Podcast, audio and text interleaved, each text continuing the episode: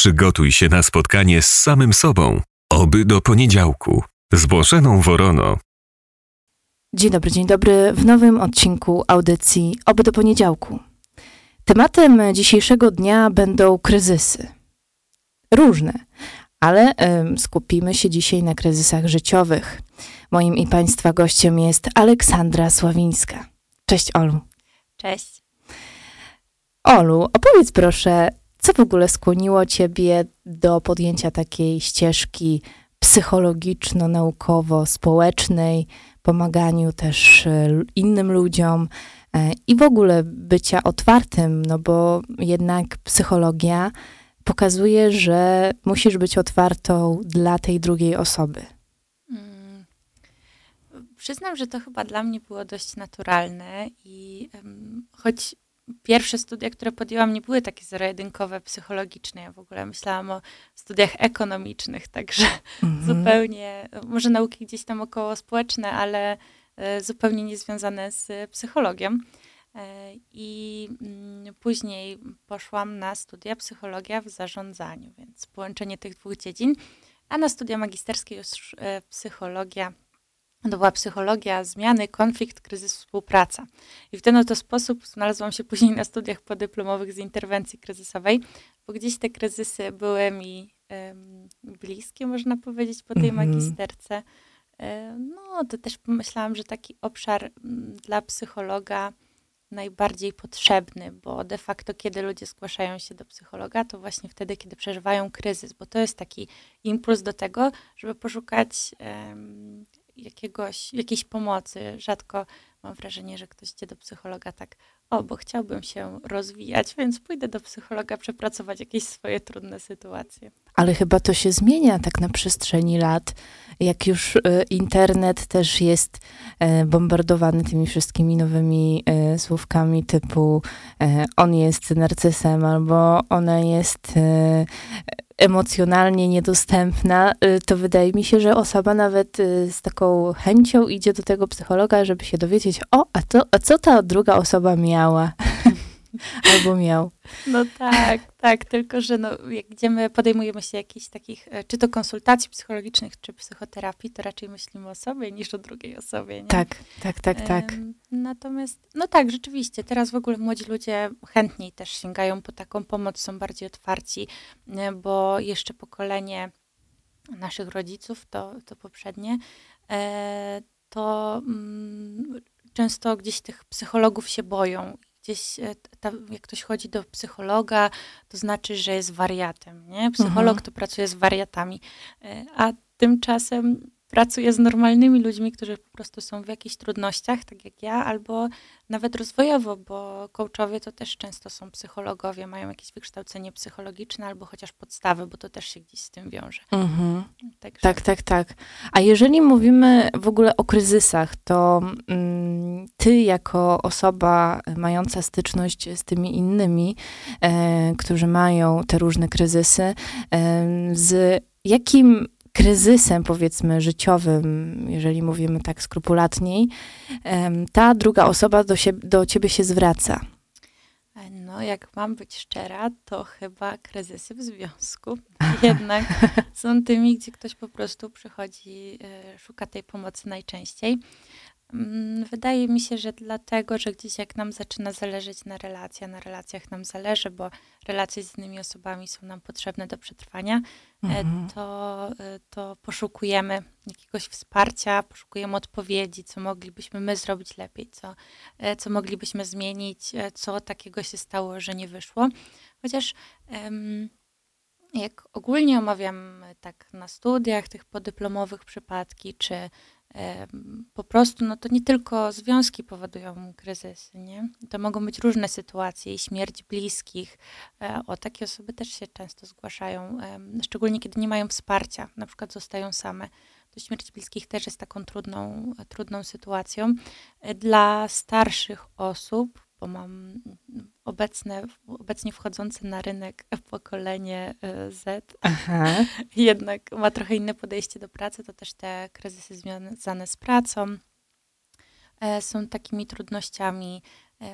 Ogólnie kryzysy rozwojowe też, które napotykamy, mam wrażenie, że nastolatki tak mocniej przeżywają, chociaż one też często się wiążą z jakimiś miłościami, z jakąś akceptacją grupy. Mhm. Mm, no i nastolatkom jest przy tym trudniej. Co prawda nie pracuję tak z nastolatkami w swoim gabinecie, ale jestem na świeżo po wyjeździe harcerskim, gdzie miałam takie o proszę, okazje. O proszę. I, I powiedz, co doświadczyłaś na takim wyjeździe? Pod kątem psychologicznym oczywiście.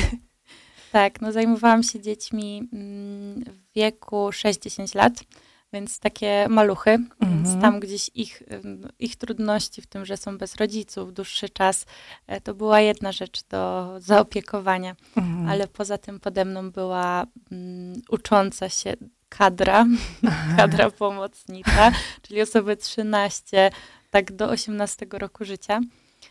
To i oni mieli swoje trudności związane z relacjami, właśnie z grupą, więc też miałam trochę takich e, rozmów na ten temat mm -hmm. w mhm. ostatnim czasie.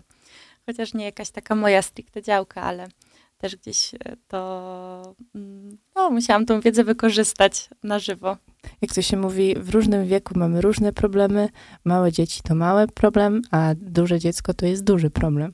E, ale dzisiaj skupimy się na tym e, kryzi, kryzysie um, utraty pracy, bądź też tożsamości, taka zmiana z um, i zmiana i też niepewność w ogóle związana z przyszłością.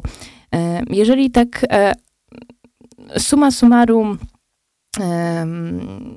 taki dystans trochę od e, takich skrupulatniejszych sytuacji, to w pierwszej kolejności, jeżeli e, w ogóle mamy kryzys, to co musimy podjąć? Jakie kroki to by były?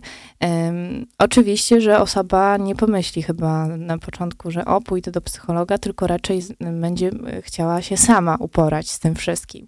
Jeżeli mówimy o takiej e, e, Zosia Samosia, wszystko sama, e, to e, co w tym przypadku? Co byś poleciła też takiej osobie? Naturalnym jest, że włącza, odpala nam się hormon um, oksytocyna bodajże. Teraz musiałabym sprawdzić, czy dokładnie to, ale y, w każdym razie y, on sprawia, że my poszukujemy wsparcia wśród innych ludzi. My się odzywamy do innych ludzi i to jest najbardziej pomocne, bo ja zawsze powtarzam, że wsparcie społeczne to jest to, co najbardziej nam pomaga przetrwać ogólnie to jest. Um, ci inni ludzie są nam niezbędni tak naprawdę do przetrwania, bo niezależnie od tego, jakie trudności przeżywamy, jaka sytuacja kryzysowa nas dotyka, czy to jest katastrofa mm, naturalna, jakaś powódź, czy to jest śmierć właśnie bliskiej osoby, to bycie wśród innych ludzi i taka świadomość, że inni ludzie są nam w stanie pomóc, jest dla nas czynnikiem ochronnym. Czyli sprawia, że będziemy mniej przeżywać, będzie nam łatwiej się uporać z tą sytuacją, której doświadczamy. Mhm inne osoby będą normalizować nasze emocje, będą mm, po prostu nawet z nami, będziemy mieli komu się wygadać, tak mówiąc prosto. Mm, no i to naturalne, że po prostu w, pierwszej, w pierwszym momencie, w sytuacji kryzysowej, poszukujemy wsparcia innych i krzyczymy o tą pomoc. Często to jest e, rozmowa, nie wiem, z menadżerem w pracy, jeśli na przykład gdzieś coś w domu, jakieś sygnały. Mhm. Nawet ostatnio rozmawialiśmy o tym, jak prowadziłam jeden warsztat dla menadżerów, że często to jest taka pierwsza osoba, pierwszy kontakt. E, więc po prostu to, co będziemy robić, to, co każda Zosia Samosia zrobi, to poszukiwanie wsparcia innych i rozmowa z innymi. A czy, to, e, czy mówimy tu e, o takich bliskich, e, no, bliższych relacjach, bo jednak osoba, która jest nam bliska, może mm, nie tak obiektywnie powiedzieć, jak ta osoba, właśnie jak zaznaczyłaś, menadżer w pracy? Mm, to zależy od tego, jaki problem będziemy przeżywać. Na pewno będziemy się zwracać do innych osób, bo wydaje mi się, że jeśli będziemy mieć problem z menadżerem w pracy albo z pracą, to chyba większa szansa, że będziemy o tym rozmawiać w domu. Mhm. A jeśli to będzie problem z mm, właśnie, nie wiem, czymś w domu y, i tutaj nie będziemy mieli z kim się podzielić, to będziemy szukać w innym miejscu, na przykład właśnie w pracy. Więc mm, no jakby odpowiadając na to pytanie, różnie. W zależności zależy. od. To zależy. Ulubiona odpowiedź psychologów. Tak, w zależności od sytuacji też, jakiej doświadczymy.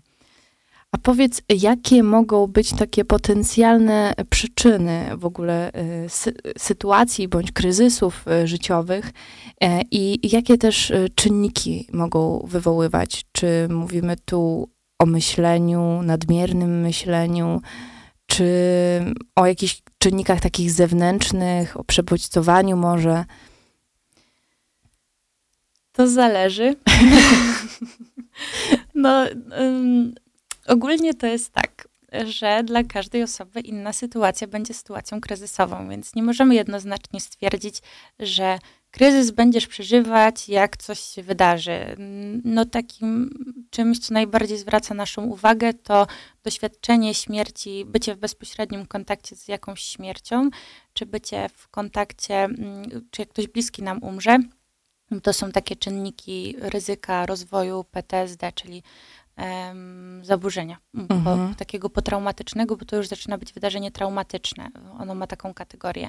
Więc w tym przypadku, no to rzeczywiście jest coś, co każdego tak naprawdę może uderzyć.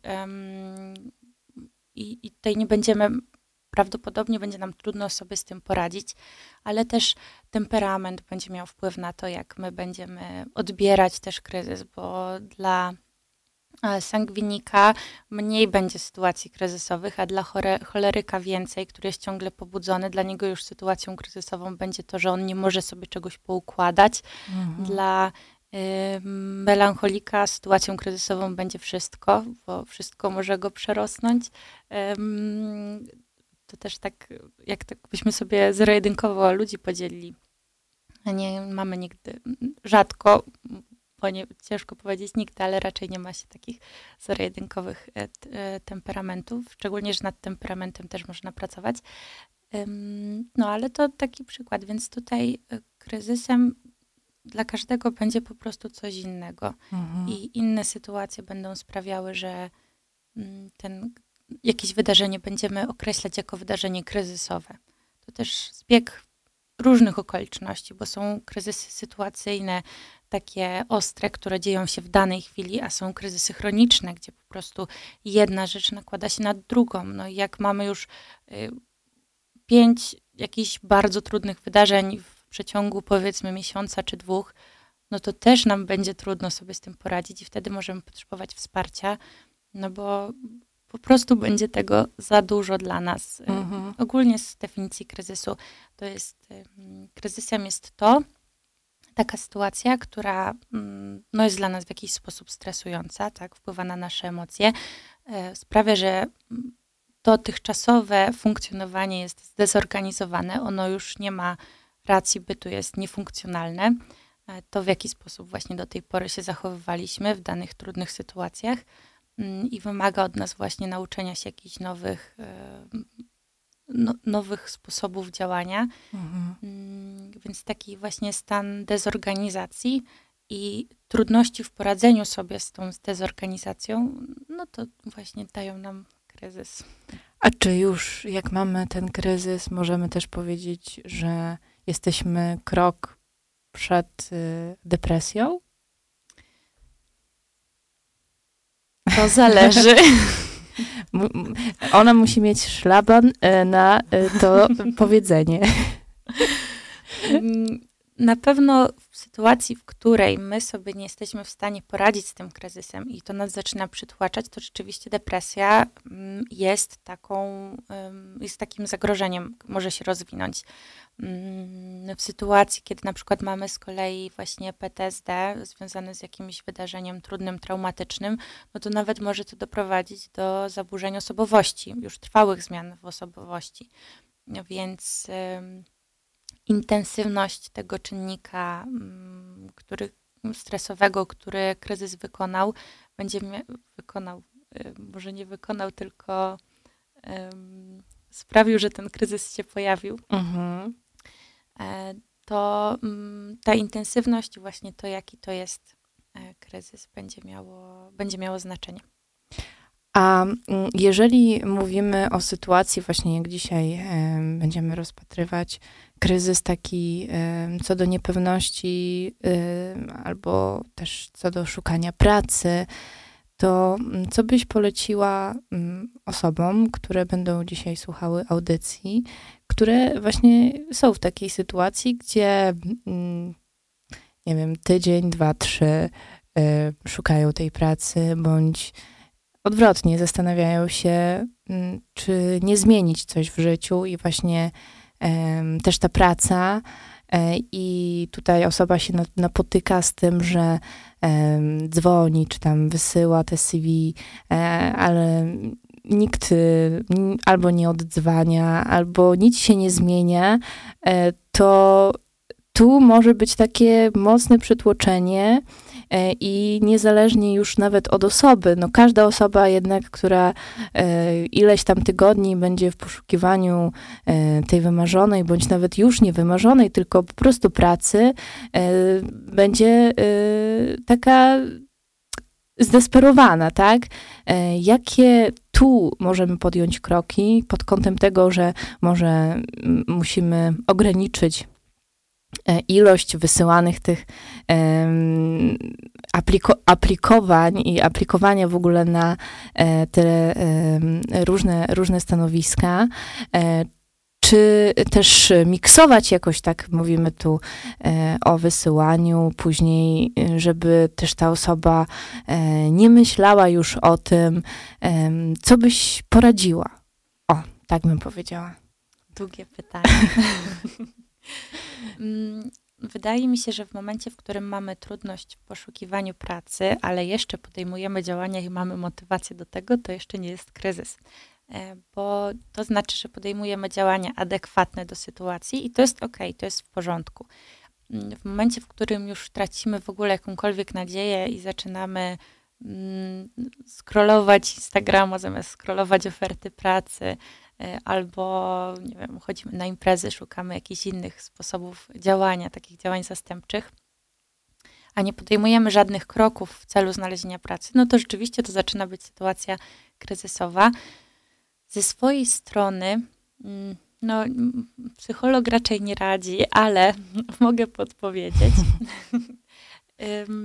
Wydaje mi się, że warto poszukać wsparcia też u doradcy zawodowego. Urzędy pracy mm, też często mają po pierwsze oferty dla osób bezrobotnych, można się zarejestrować jako osoba bezrobotna, mają kursy, mają doradztwo zawodowe, mają, no właśnie też z doradcą się przegląda CV i się wtedy, wtedy można lepiej dostosować i wbrew pozorom myślę, że nie ma co się bać tych urzędów pracy, bo one nie są tylko dla osób, które naprawdę tej pracy nie chcą znaleźć, tylko chcą żyć na zasiłku, mhm. ale firmy ze swojego doświadczenia też wiem, publikują tam regularnie oferty, oferty pracy dla, mm, tutaj dla osób, których poszukują na dane stanowiska. Pomocne będzie określenie to, tego, czego się szuka, czego się chce i dostosowanie do realiów rynkowych, no bo rynek, mm, nie wiem, na przykład w świecie IT teraz jest dość mocno przesycony, więc tak. to poszukiwanie pracy będzie już trudne, już jest trudne, utrudnione, więc taka wytrwałość w tych działaniach będzie konieczna, a jeśli nie da się znaleźć pracy tej wymarzonej, to może trzeba poszukać czegoś innego, jakiegoś, jakiejś pracy zastępczej, jakiejś nawet na chwilę, żeby, żeby mieć zarobki, żeby móc przetrwać. Mhm.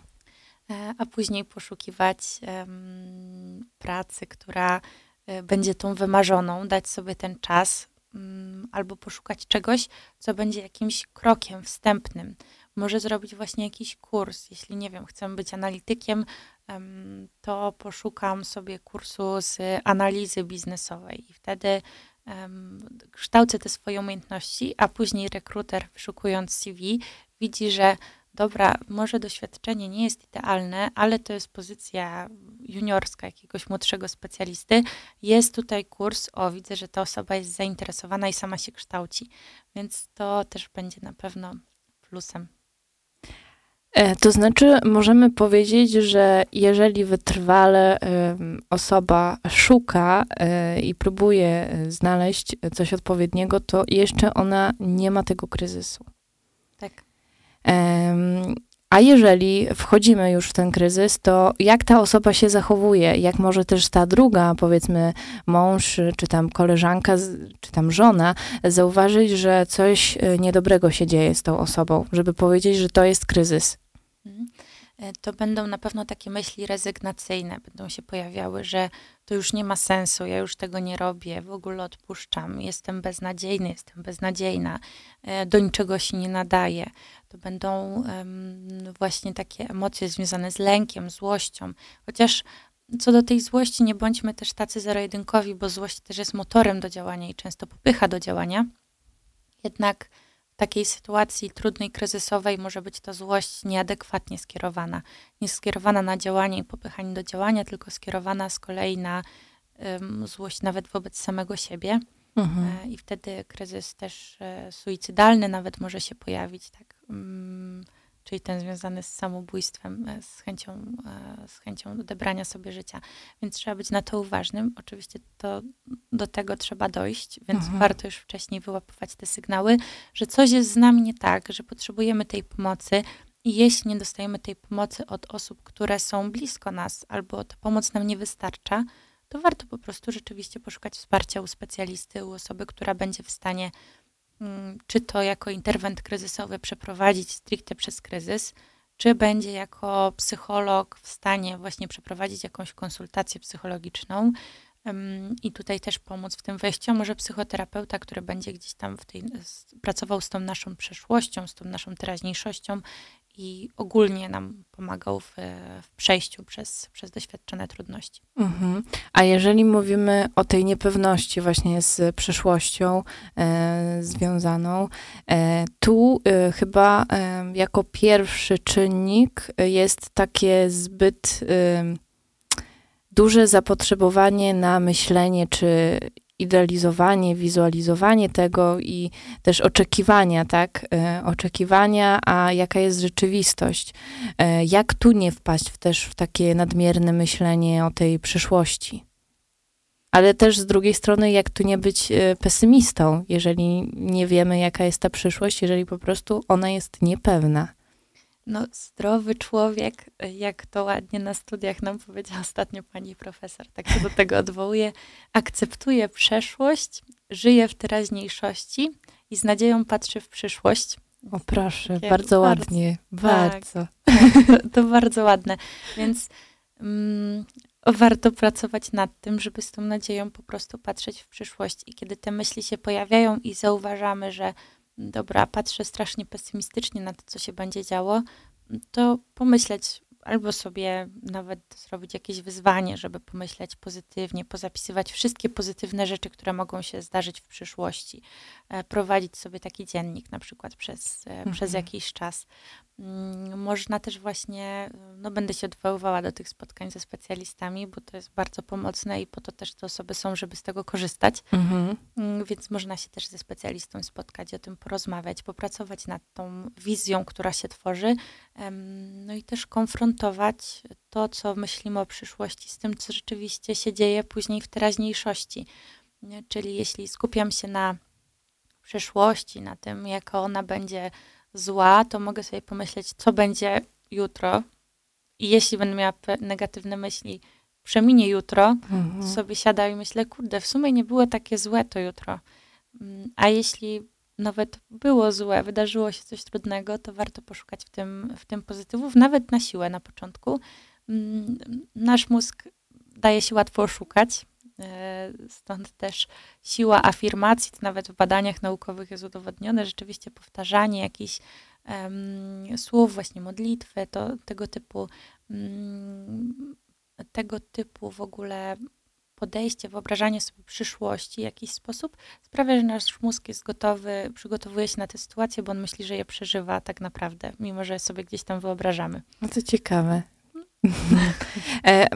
nawet e, z tego, co e, słyszałam, to ponoć neurony m, powstają i mózg nie odróżnia, czy to było już, tylko po prostu odbiera to jako rzeczywistość.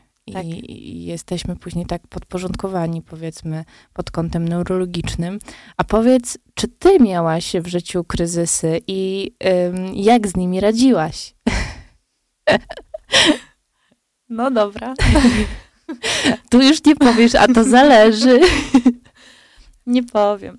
Nie powiem, że to zależy. Myślę, że mogę coś opowiedzieć też o sobie, z racji tego, że nie jesteśmy w gabinecie. E, tak, miałam kryzys. Nawet w sumie dość niedawno, związany z moim związkiem. No, mhm. kryzys związkowy.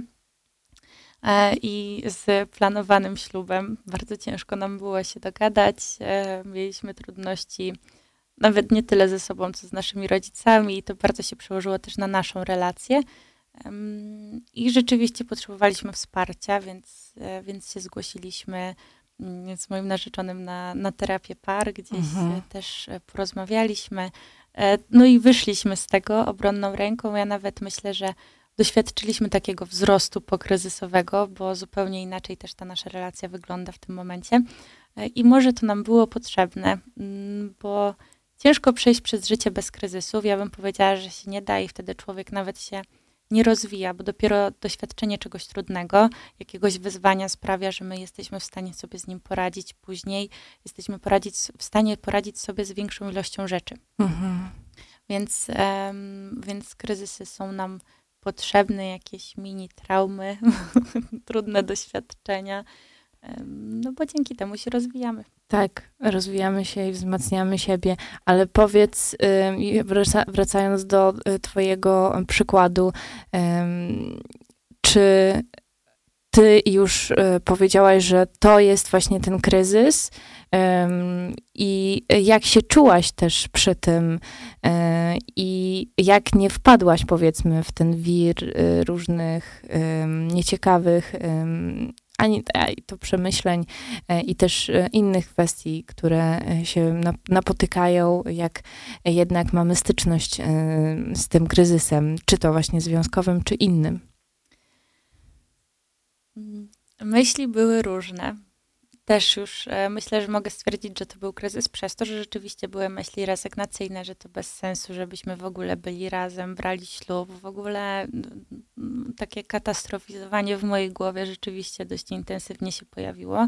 Mm, I potrzebowałam wsparcia, mhm. też psychologicznego, siłą rzeczy. I po prostu taka rozmowa też z innymi pozwoliła mi z tego wyjść. E, I gdzieś cały czas pamiętanie o tym, jak było wcześniej, e, zanim kryzys nastąpił, mm, trzymało mnie mm, i myślę, że narzeczonego też przy tym, żeby być razem, żeby mhm. wytrwać w tym e, i żeby sobie z tym poradzić docelowo. Mm, więc to, co było i taka nadzieja na to, co będzie, chociaż ciężko się w ogóle w kryzysie mówi o przyszłości, rozmawia o przyszłości, bo w kryzysie raczej patrzy się chwilowo i to mhm. też jest rola mm, interwenta kryzysowego, bo jak przychodzi osoba kryzy w kryzysie, to ona właśnie widzi tą przyszłość tylko taką w czarnych barwach albo w no raczej nie w białych, ale tak mhm. na pewno nie, nie widzi tych wszystkich odcieni szarości, które jeszcze gdzieś są, że są inne rozwiązania niż tylko to bardzo pozytywne i to bardzo negatywne.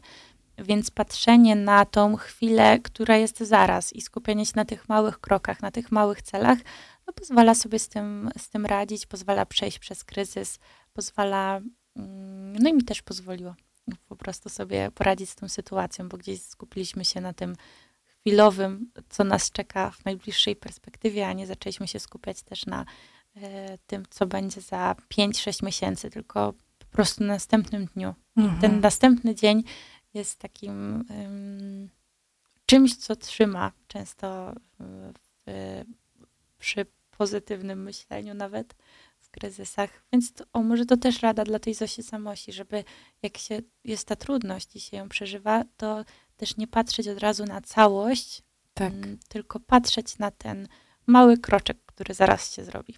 To bardzo mądre jest. Nawet y, kiedyś przeczytałam y, taki artykuł, gdzie pani psycholog y, mówiła o tym, że właśnie jak jest ten kryzys, y, to mm, lepiej zacząć od tego właśnie pierwszego kroku i nie patrzeć, y, że co będzie jutro, tylko posprzątać na przykład w tym domu i później tak jakoś samo wszystko pójdzie.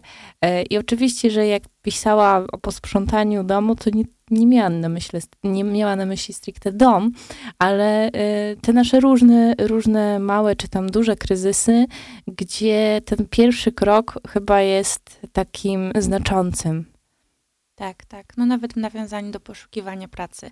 W momencie, w którym przez długi okres nie możesz znaleźć pracy i już jesteś tym wyczerpana, już zaczynają się pojawiać właśnie te myśli mm, takie rezygnacyjne, że to już nie ma sensu, to już nie chcę tego robić, ja się nie nadaję, no, te, mhm. o których rozmawialiśmy, to warto zrobić po prostu ten krok po jakimś dłuższej przerwie nie wiem, zaaplikować na jedno stanowisko, albo nawet właśnie pójść do tego urzędu pracy, poszukać gdzieś tam wsparcia.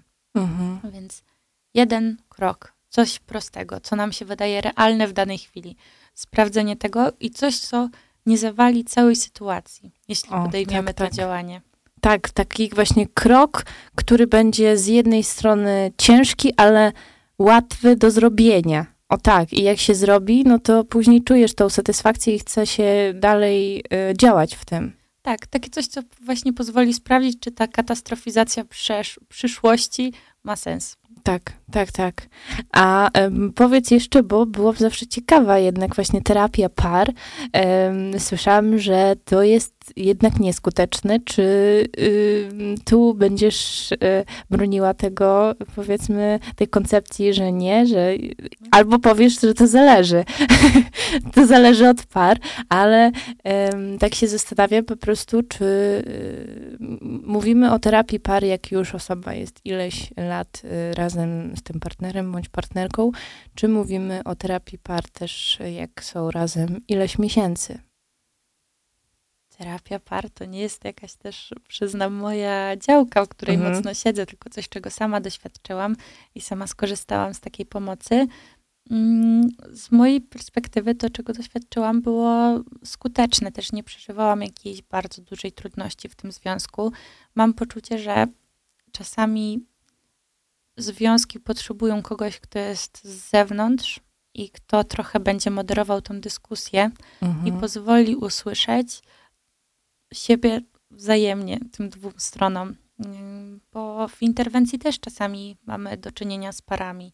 Też po prostu, jeśli ktoś przychodzi, najczęściej jedna osoba z kryzysem w związku, to ciężko ten kryzys w związku rozwiązać tylko z jedną osobą, bo to dwie strony są w mhm. relacji, a nie tylko jedna. Więc mam takie poczucie, że w takim krótkoterminowym, skierowanym na konkretny cel, na konkretne rozwiązanie, e, to jest skuteczne. W jakiś sposób pozwala właśnie mm, w nauce komunikacji też ze sobą, e, w nauce też mm, albo w takich trudnościach w usłyszeniu siebie mhm. wzajemnie. E, nie będę wchodziła w to, czy, na ile to jest skuteczne. No, już, już się dowiedzieliśmy się o Oli dużo rzeczy e, osobistych, a powiedz e, właśnie w tym gabinecie, jak ty już e, jesteś tą osobą, do której się zwracają, to mm, jak można też wykorzystać, powiedzmy, te kryzysy w takim rozwoju osobistym. E, I też e, może mm, opowiesz nam, e, jak wygląda w ogóle mm, Twoja styczność z tym pacjentem? Czy to rozmowa, czy jakie kroki podejmujesz, jak widzisz, że właśnie to jest akurat ten kryzys i z tym będziemy teraz e, próbować się e, uporać. Czy jakieś prace domowe ten pacjent ma do przepracowania w domu? No, wiadomo, że to zależy, ale tak ogólnie e, jednak są jakieś takie czynniki, które spajają te osoby, które się z tym borykają. Mm, no tak, to będzie zależało od kryzysu mhm. z pewnością. Natomiast to, co mm, ja robię w swoim gabinecie z klientami, mm, wolę po prostu e, nazywać klientami te osoby, które tak, do tak. mnie przychodzą, ale klient, pacjent e, analogicznie, to robimy kwestionariusze czasem w zależności też od tego, jaki to jest kryzys, różne kwestionariusze. Jeśli to jest jakiś kryzys właśnie w związku, to, to robimy kwestionariusze mm, przywiązania, mm, tutaj stylu, stylu przywiązania, czy mm, tego typu związane po prostu z relacjami, żeby gdzieś sobie też zmapować i tą osobę, bo mhm. ja muszę też poznać, E, jednocześnie to jakiś rozwój, jakaś psychoedukacja dla, tej, dla tego mojego klienta. Mapujemy sobie w ogóle całą, e, całą sytuację. W przypadku kryzysów zawodowych to też kwestionariusze wypalenia zawodowego, więc tutaj z mojej strony mam szereg takich, szereg takich właśnie narzędzi, z których mogę korzystać. Poza tym e, też właśnie psychoedukacja, pokazywanie na różnych wykresach, jak przebiega, nie wiem, jakoś ten związek mi teraz będzie siedział w głowie, bo z tego opowiadałam o swoim, ale no, pokazywanie właśnie, jak przebiega na przykład rozwój miłości, na którym etapie gdzieś się jest w danym momencie. Też Ogólnie praca interwenta nie jest taką pracą stricte psychologiczną, więc czasami wymaga ode mnie to skontaktowania z prawnikiem, czasami wymaga to ode mnie skontaktowania klienta z um, psychiatrą, więc to w zależności też od tych potrzeb, które się pojawiają po tej drugiej stronie, mhm. ja dobieram odpowiednie narzędzia. No i interwent właśnie musi być elastyczny i dość pomysłowy w tych e, formach pomocy, bo też w sytuacji, gdy ktoś przychodzi z sytuacją przemocy w rodzinie, to też tą osobę trzeba odizolować, w ogóle wezwać policję, więc to są zupełnie inne sytuacje. Akurat z taką jeszcze nie miałam do czynienia. Myślę, że częściej te osoby zgłaszają się do centrów interwencji kryzysowej, mhm. bo tam też ta pomoc jest taka natychmiastowa. Natomiast no też, e, też jakby no, trzeba mieć tę wiedzę, w jaki sposób pomóc w takiej, a nie innej sytuacji. Więc Różnie. Prace domowe też daję. Mhm. Daję.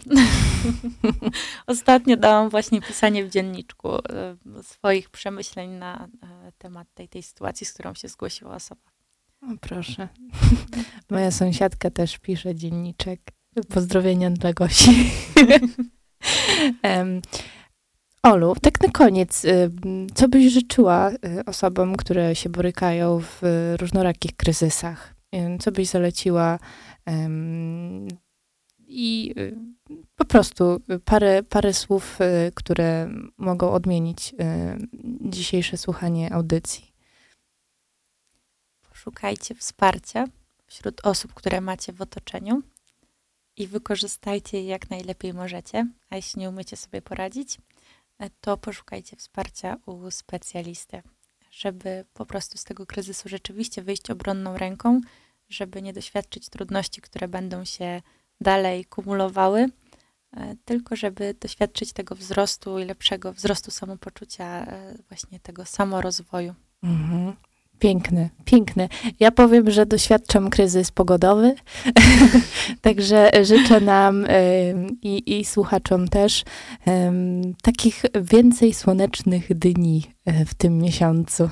Tak, tak nadchodzą. Długie, zdawałam maturę rozszerzoną z geografii, długie opady deszczu świadczą o tym, że będzie cieplejsza pogoda.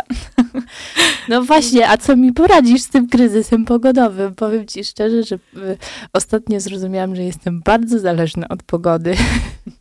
A to naturalne, no, więc, więc trzeba się słuchać, wyjechać na wakacje. Albo do kriokomory, żeby więcej endorfin się wydzieliło, więcej sportów. To życzymy nam y, dużo y, ciepłych i słonecznych wakacji y, i dni. Y, I y, widzimy się i słyszymy się już za niedługo i oby do poniedziałku.